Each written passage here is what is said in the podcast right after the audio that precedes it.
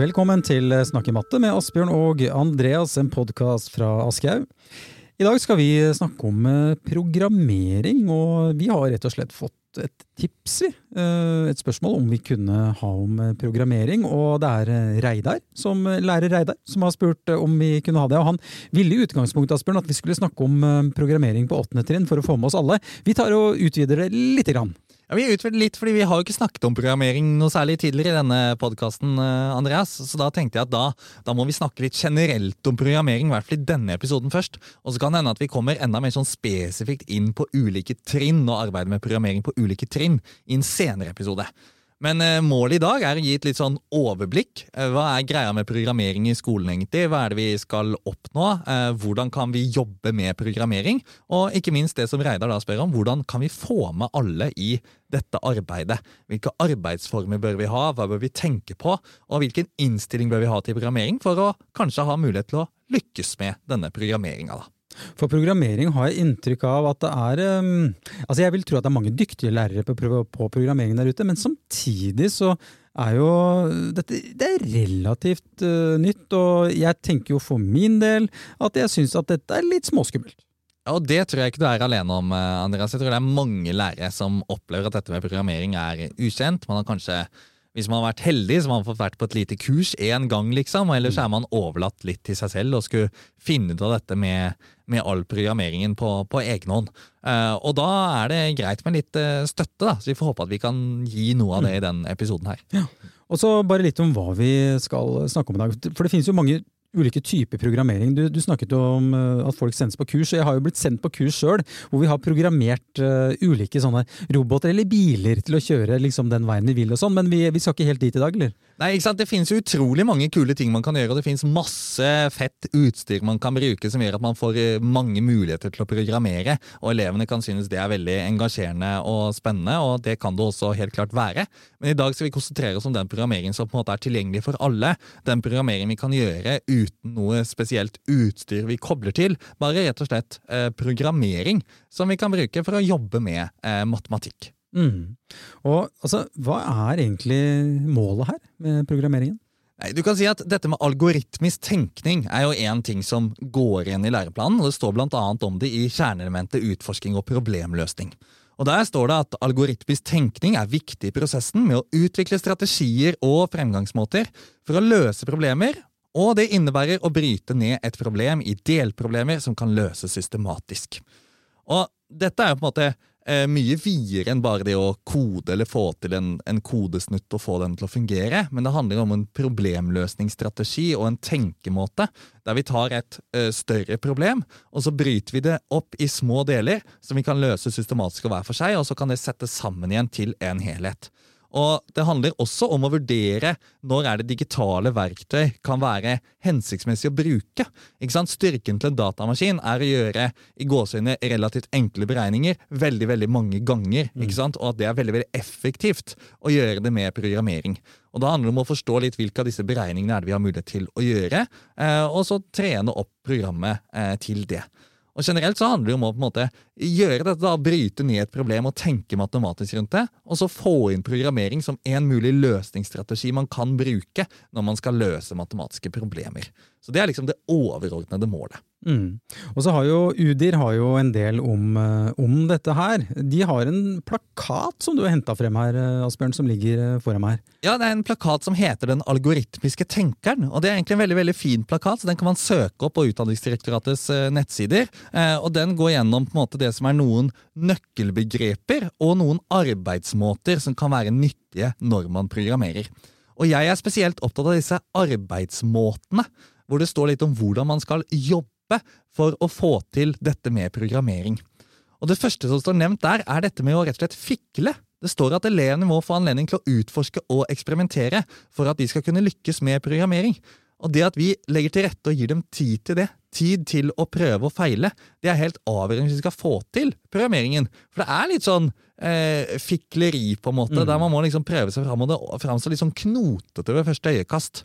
Uh, og Vi skal komme inn på ulike språk, og sånn etterpå, men når man programmerer med tekst, så må man jo være veldig nøye med komma i stedet for punktum og kolon, og ting må være plassert ja. på rett plass og sånn. Ellers så funker ikke programmet. Så det er litt sånn fikling som vi må gi elevene anledning til å være med på. Og uh, jeg tenker jo når det gjelder programmering, altså, er det et tema da, som det er liksom greit å feile i, og hvor det å feile føles kanskje mer akseptabelt for elevene selv enn i en del andre temaer, så er det nettopp eh, dette her. Ja, og det må vi snakke med elevene om. at Det kommer til å skje. Vi kommer til å gjøre måte, gåseøyne feil hele tiden. Og Mm. det å gjøre måte feil når vi programmerer, eller få et program som ikke funker, det er jo ikke noe galt i det. Det er jo sånn programmerere jobber. De jobber ved at man tester, og så ser man hvordan ble resultatet, og så må man justere hele tiden. Justere koden sin til den blir riktig, eller mer riktig. Uh, og, og det er på en måte en veldig naturlig del av det å programmere. Og en av de store fordelene med programmering også, er jo nettopp det at man får umiddelbar respons på om det man har gjort, gir mening. Fordi sant, Man skriver et program, eh, en kode, enten man skriver med blokker eller tekst, vi kommer tilbake til det, eh, og så får man et resultat ut umiddelbart. Og så kan man se ble det resultatet det jeg forventet nå, det jeg ønsket å få, eller ble det noe annet? Og så må man justere ut ifra det. Så Man får veldig sånn trening på å få et analytisk blikk på det man gjør, og får umiddelbar respons hele tiden på om man er på rett vei. Mm. Og på denne modellen her så har Utdanningsdirektoratet et av, skrevet eh, et av punktene her er å holde ut. Ja, Det det Det er, er veldig, ganske rett fram. det er veldig rett frem og et veldig gøy, eh, gøy punkt, på en måte. Eh, vi må fortsette å prøve igjen, som de, som de skriver. og det å trene elevene til utholdenhet i dagens samfunn er ekstremt viktig. Vi ser at sant, det blir mer og mer sånn eh, hurtig bytter fra én ting til en annen. Og det at eh, vi rett og slett trener opp utholdenhetsevnen deres, er eh, viktig i skolen. Eh, og så står det om dette å samarbeide, og at det er helt avgjørende at elevene må da få jobbe sammen. Og hvis du som lærer skal fly rundt og hjelpe elevene, eh, og du er den ene som skal hjelpe dem, og klare å løse alle de små på en måte, feilsøkingstingene i programmene deres som ikke fungerer, så kommer du til å bli helt gal. Så vi må sette elevene i stand til å samarbeide med hverandre. La de jobbe sammen. Og de er ganske gode egentlig på å hjelpe hverandre med helt konkrete, små, praktiske ting når man skriver eh, programmer. Mm. Så vil det sannsynligvis være noen som har eh, kjennskap til eh, programmering. Eh, Vi har vel alle hatt elever som er veldig interessert i, i data, og som, som kan være en god ressurs inn i dette. Ja, bruk elevene som ressurser i klasserommet, og sett de sammen i grupper. og Det er kanskje enda viktigere her enn i mye av den andre eh, matematikken, eh, opplever jeg, fordi elevene støter på så mange liksom, sånn små hindringer på veien. og Det henger sammen med denne fiklinga som var inne i stad. Mm. at Vi er liksom Mm. avhengig av det. Og det at de kan fikle sammen da, det gjør ah, at du har større forutsetninger for å lykkes. Så står det også noe med digitale ferdigheter i læreplanen i matematikk. Ja, og Dette mener jeg er et veldig veldig viktig poeng. Fordi det er ikke sånn at vi liksom bare skal programmere for programmeringas skyld, og at programmering er liksom et opphøyd mål i seg selv. Selvfølgelig skal elevene bli gode på å programmere, og det er fint, men det står altså i læreplanen for matematikk at digitale ferdigheter innebærer å kunne bruke programmering til å utforske og løse matematiske problemer. Så vi skal ikke bare programmere for programmeringens skyld. Vi skal bruke dette som et verktøy for å utforske og løse matematiske problemer. Og da må vi passe på at vi gjør akkurat det. Og det er litt viktig eh, at vi har med oss når vi skal inn og jobbe med denne eh, programmeringen. Og så er jo dette noe som man kan si til elevene at det er veldig, veldig nyttig i eh, samfunns- og arbeidslivet senere. ikke sant? Det blir stadig flere yrker der programmering blir en del av det man gjør som et yrke. Eh, og, og derfor er dette viktig også for å forberede dem på liksom, det samfunns- og arbeidslivet som de skal gå ut i, da, som blir stadig mer høyteknologisk. Å ha noe forståelse for programmering vil være nyttig uansett hva man skal gjøre, egentlig. Ja, for du har jo, du sa det før vi gikk på her, at du har fått eh, tilbakemeldinger eller noen som har nevnt at det er flere altså helt konkrete yrker nå som, eh, som bruker dette. Ja, Masse journalister bruker programmering for å behandle store datasett. Du har eh, geologer, ingeniører, alle disse typer yrkene. Masse helsedata der det brukes programmering. For selvfølgelig ikke å snakke om liksom programmere i seg selv og informatikere og de som jobber med det som særskilt arbeidsområde, men, men det brukes programmering i mange eh, sektorer i samfunnet nå, eh, og det blir mer og mer brukt. Eh, og de bruker faktisk da Python som programmeringsspråk veldig mange steder, og det er jo et programmeringsspråk som elevene kommer til å lære om eh, i grunnskolen og på videregående skole. Mm. Ja, og da er vi inne på disse programmeringsspråkene. da. Det er jo mange ulike programmeringsspråk, og så blir det store spørsmålet hva bør vi velge? Ja, ikke sant? Det er veldig veldig mange ulike programmeringsspråk, og vi kan i hvert fall skille de to hovedkategorier først. Vi har det vi kaller for blokkbasert programmering, eller blokkprogrammering, og så har vi tekstbasert programmering. Og den store forskjellen er at Når det er blokkbasert, så er det på en måte noen sånne blokker man kan dra rundt og flytte på. Og En av de store fordelene med det er at man ikke får så mange sånn syntakserror, eller på en måte feil fordi du har trøbbel med tegnsettingen, eller du har skrevet punktum i stedet for komma, eller sånne type ting. Du utelukker på en måte veldig mange av de feilene, fordi det er på en måte litt sånn mer sånn ferdige blokker som du drar rundt og, og setter på plass. Um, og så er den store ulempen da, med, med blokkprogrammering at det kan bli ganske sånn knotete og tungvint. Spesielt blir det knotete og tungvint hvis uh, man skal gjøre en del regneoperasjoner. Fordi det er veldig, veldig sånn vanskelig og knot å skrive det med disse blokkene. Uh, så det er greit i liksom basic programmering, men det blir mer trøblete etter hvert når du skal gjøre regneoperasjoner.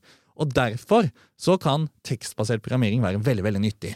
Og det er jo uh, veldig mange som har programmert mye med blokker. Når de kommer opp på tekst, så er de sånn åh, så deilig det var. Ja. Så utrolig deilig å liksom kunne skrive tekst i stedet for å holde på med disse knotete blokkene. Men ulempen med tekst er jo at du får mer sånn syntaks-error-ting med tegnsettingstrøbbel, og at du må være veldig veldig nøye med hvordan du skriver ting. Innrykk uh, på hver linje må være riktig, kolon må være riktig, en del sånne type ting. for at man skal liksom komme i gang og kunne bruke disse, disse programmene. da. Men Forstår jeg det da riktig at eh, altså, eh, blokkprogrammeringen er noe man kanskje starter med? At du bør starte der hvis man er litt uerfaren, og så ta tekstprogrammering, eller kan man hoppe rett på tekstprogrammering?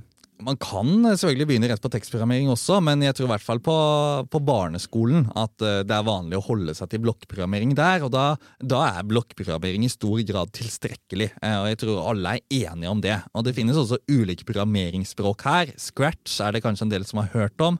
Eh, på, I Matemagisk og på A-univers så brukes det noe som heter Trinket, som er integrert der. Det er et annet språk, det fungerer på omtrent samme måte. Mm. Um, og så er det mer tekst etter hvert. Og på videregående så virker det å være ganske sånn bred enighet om at der er det Python som gjelder. Eh, det fins masse andre tekstspråk også, men den store fordelen med Python er at det er et relativt enkelt språk å komme i gang med av de tekstbaserte språkene. Og i tillegg er det veldig anvendelig og brukes masse i arbeidslivet. Mm. Og så kan du si, så er det ungdomstrinn igjen, da. Og der er det store spørsmålet hva skal man gjøre der? Og vi brukte masse tid på å drøfte i Matemagisk hva skal vi legge opp til. Mm. Og vi har valgt å legge opp til å primært jobbe tekstbasert. Men på de digitale løsningene så er det tekst og blokk side om side, så man kan velge litt selv hva man ønsker å bruke. Og Grunnen til at vi har valgt å gå for eh, tekst og bruke Python, det er rett og slett eh, den ene grunnen handler om dette med regneoperasjoner, og at det er veldig veldig tungvint med blokkbasert programmering. Mm. og Da oppleves det ofte enklere med tekstbasert, rett og slett. Det andre handler om at lærere vi hadde på kurs i perioden eh, når vi skrev disse lærebøkene, var veldig tydelig på at det å jobbe tekstbasert var bedre enn å jobbe blokkbasert med den type problemstillinger som vi jobber med i mattefaget. Dette er det garantert noen som er uenig i, men det var de tilbakemeldingene som vi fikk. Mm. Og Det tredje handler om forberedelse til videregående, og at elevene er best rusta til videregående av at de har vært borti noe tekstbasert programmering på ungdomstrinnet.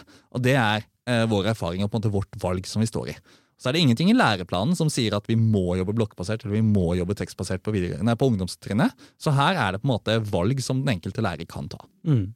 Veldig interessant å høre om uh, hvordan dere gikk frem når det gjaldt uh, når dere skrev Matemagisk, og hvordan dere snakket dere frem til hva dere skulle velge. da. Og For eventuelt nye lyttere så er det sånn at Asbjørn har jo vært med å skrive dette lærverket fra, fra Aschehoug. jeg vet ikke, Hvordan foregår sånne ting? Jeg bare lurer på det. Er det, er det mange harde kamper når du skal velge en vei? Altså det var eh, eh, Spesielt i starten her, dette var jo før læreplanen var endelig ferdig, hvor vi måtte ta dette valget. og Vi justerte selvfølgelig valget etter siste læreplanrunde. og Det var mange ting som var uklart. Eksamen var uklart. Eksamen er fortsatt ganske uklart. Hva skjer egentlig med eksamen? Hvordan kommer den til å se ut framover i tid? Mm. Eh, det var mange signaler på at det ene eller det andre kom til å bli gjeldende. Og man ser at liksom de ulike forlagene har valgt litt ulikt. Mm. Eh, men vi opplever at vi har fått mange positive tilbakemeldinger på programmeringsinnholdet i Matemagisk, ja. og at vi har vært veldig bevisst på det som sto om digitale ferdigheter. At vi skal bruke programmeringen til å jobbe med matematikk. Vi må se de tingene i sammenheng. Det skal ikke være sånn at programmering er noe helt eget som vi jobber med bare for seg, og som ikke har noe kobling med selve matematikken. Mm. Det finnes jo uh, altså, ulike arbeidsformer da, når vi jobber med uh, programmering. og Hva hvis elevene ikke har, sitter bak en skjerm? Kan vi programmere da? Ja, det er akkurat det vi kan. ikke sant? Fordi du kan si Vi har to hovedtyper her. Enten at elevene ikke sitter bak en skjerm, og at vi jobber med programmering uten at de sitter og koder selv. Og så har vi programmering der elevene sitter og koder på en måte. Og Hvis vi begynner med det første, da, eh, så kan man jo gjøre sånne ting som å på en måte programmere levende roboter og gi instruksjoner til hverandre. og Det er på en måte sånn typisk gå tre skritt fram, snu 90 grader mot høyre, gå fram, og man på en måte trener på å være eh, Gi instruksjoner til hverandre og være hverandres roboter i klasserommet. Det kan være en veldig fin sånn oppstartsaktivitet for å liksom bare forstå hele prosessen. Hva handler egentlig programmering om? Jo, vi gir noen instruksjoner til programmet, og den utfører akkurat det vi ber programmet om å gjøre. Den gjør akkurat som vi sier. Um, og så er det jo liksom ok, hvordan kan vi legge til rette for gode diskusjonsoppgaver i klasserommet? Og da er det liksom sånn Hva gjør dette programmet? Diskusjonsoppgaver som kan være veldig veldig nyttige. Og da har jeg god erfaring med å liksom få opp et program på tavla. eh, og så få eleven til å diskutere hva, hva blir resultatet av å kjøre dette programmet. Og så gjerne la de ha liksom minitavler de kan tegne på eller skrive på, og vise hva de tror blir resultatet av å kjøre programmet. Mm. Da viser de det rett og slett fram, da. Holder de det opp og Da holder de rett og slett opp eh, på en måte hva de har eh, tegnet. Og med blokker da, så er det jo ofte programmer som på en måte tegner et geometrisk mønster, f.eks. Vi bruker det mye til det på, på mellomtrinnet. Uh, og da tegner jo eleven disse geometriske mønstrene de to blir resultatet på tavlene sine. Og så får vi veldig sånn god uh, argumentasjonsøkt, ikke sant? hvor eleven skal argumentere for hvorfor de tror at det er dette som blir resultatet av å kjøre programmet. Eh, og så argumenterer vi fram og tilbake, og så ser vi hva, hva blir eh, faktisk resultatet av å kjøre dette programmet. da, Hvor vi kjører det i fellesskap på klasserommet. mm. Og så kan vi begynne å endre programmet etterpå. Da vi, ok, Hva skjer hvis jeg endrer det tallet her nå? Hvordan kommer det til å påvirke hvordan mønsteret ser ut? Mm. Og her er det masse om vinkler som elevene jobber med.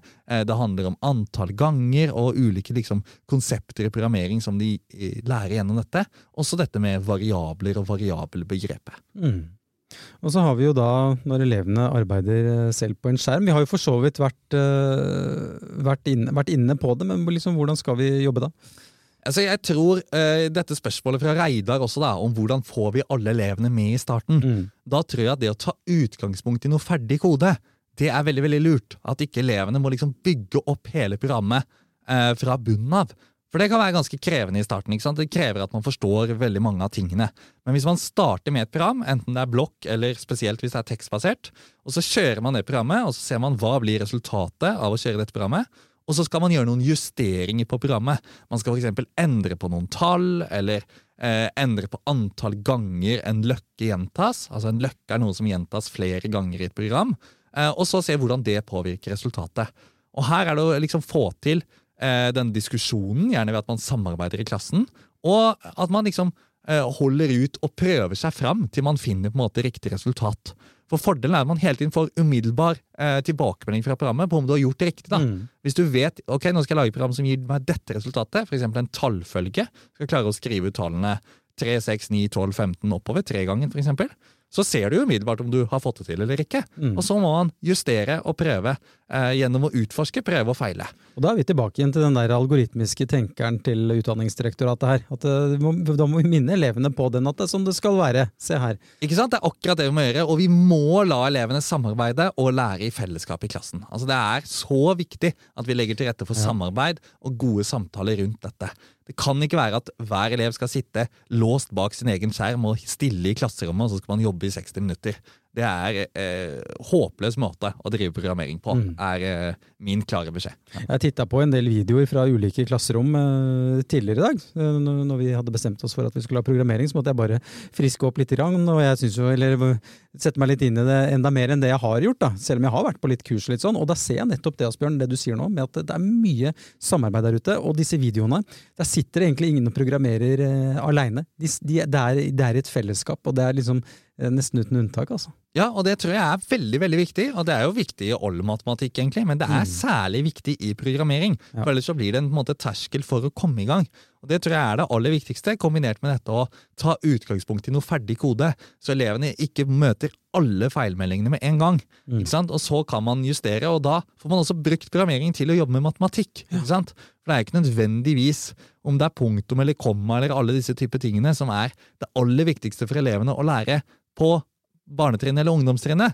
Ikke sant? Fordi programmererne vil lære dette enkelt senere uansett. Mm. Det er de som virkelig skal bruke masse programmering aktivt. Men det er tankegangen, den algoritmiske tenkningen, koblingen mellom programmering og matematikk og utforsking av matematiske problemer. Det er jo det som er kjernen i det vi skal oppnå med å ha programmering inn eh, i grunnskolen.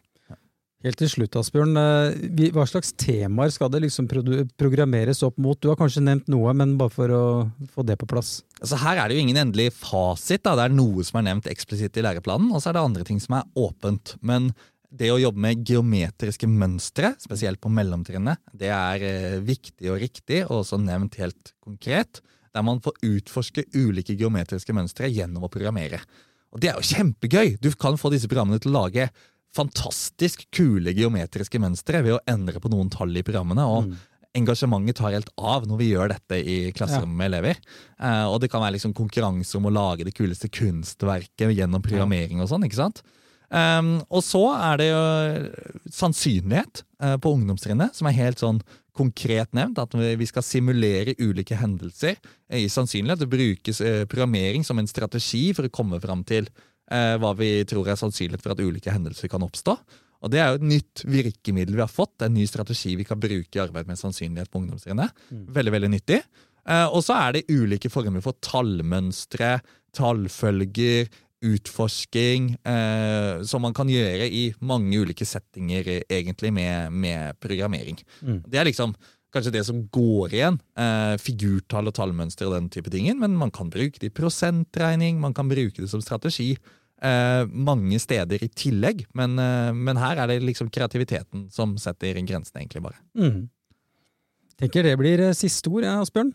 Der setter vi, setter vi strek. Og det var, det var, egentlig veldig fint å ha fått en eh, programmeringsepisode. Det er ja, veldig bra. Kanskje vi går litt sånn mer inn i eh, senere selve programmeringen, programmeringskonseptene. Mm. Dette ja. med løkker, variabler, vilkår osv. Mm. som finnes i programmeringen. Vi har ikke snakket så mye om det i denne episoden, men nå har man fått litt sånn måter å jobbe med programmeringen på. Ja. Og Det tror jeg nesten er det aller viktigste. Og Så finnes det utrolig mye støtte der ute, enten i Matemagisk-læreverket eller eh, på nett og andre steder, til liksom konkrete oppgaver man kan jobbe med. Mm. Og så må man som lærer bare tørre å senke garden litt, være åpen på at her kan man ikke nødvendigvis alt, men vi utforsker og lærer sammen med elevene, og det kommer til å gå veldig fint. Mm.